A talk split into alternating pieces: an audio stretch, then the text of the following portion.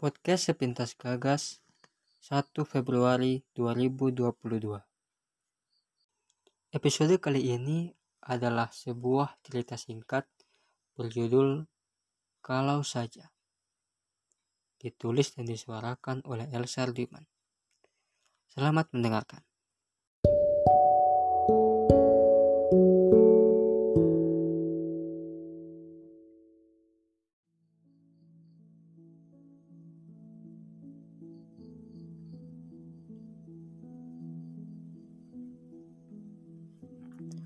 Hening. Tak ada suara yang terdengar selain tawa riang kedua adikku yang tengah bermain. Mereka berdua selalu terlihat mengemaskan, kecuali saat sedang rewel-rewelnya. Taman ini mulai sepi. Hanya kami bertiga yang masih betah berlama-lama setelah orang-orang melangkah pergi satu persatu.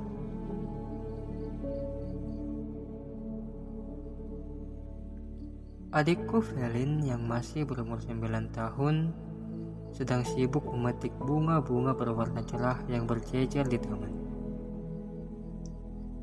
Adikku yang satu lagi, Deva, selayaknya anak umur 7 tahun yang lain, tenggelam dalam dunianya sendiri. Berlarian sambil memegangi baling-baling kertas warna-warni yang berputar di tangannya.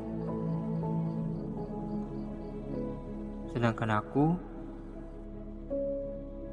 aku hanya memandangi mereka berdua sambil duduk di bawah naungan pohon rindang. Tak ada yang lebih mendamaikan daripada sejuknya tiupan angin sore.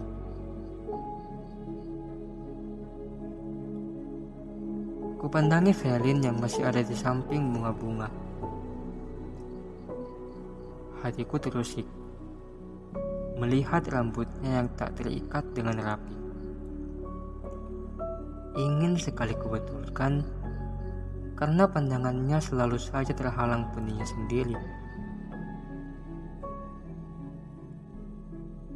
Kupandangi Deva yang tengah berlari. Hatiku resah melihat sepatu kecilnya tak terikat dengan benar. Teruntai panjang seiring ia berlari. Ingin rasanya kurapikan. Ia bisa saja jatuh tersandung karenanya.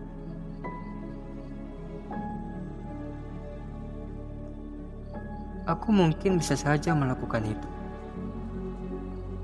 Kalau saja aku masih hidup.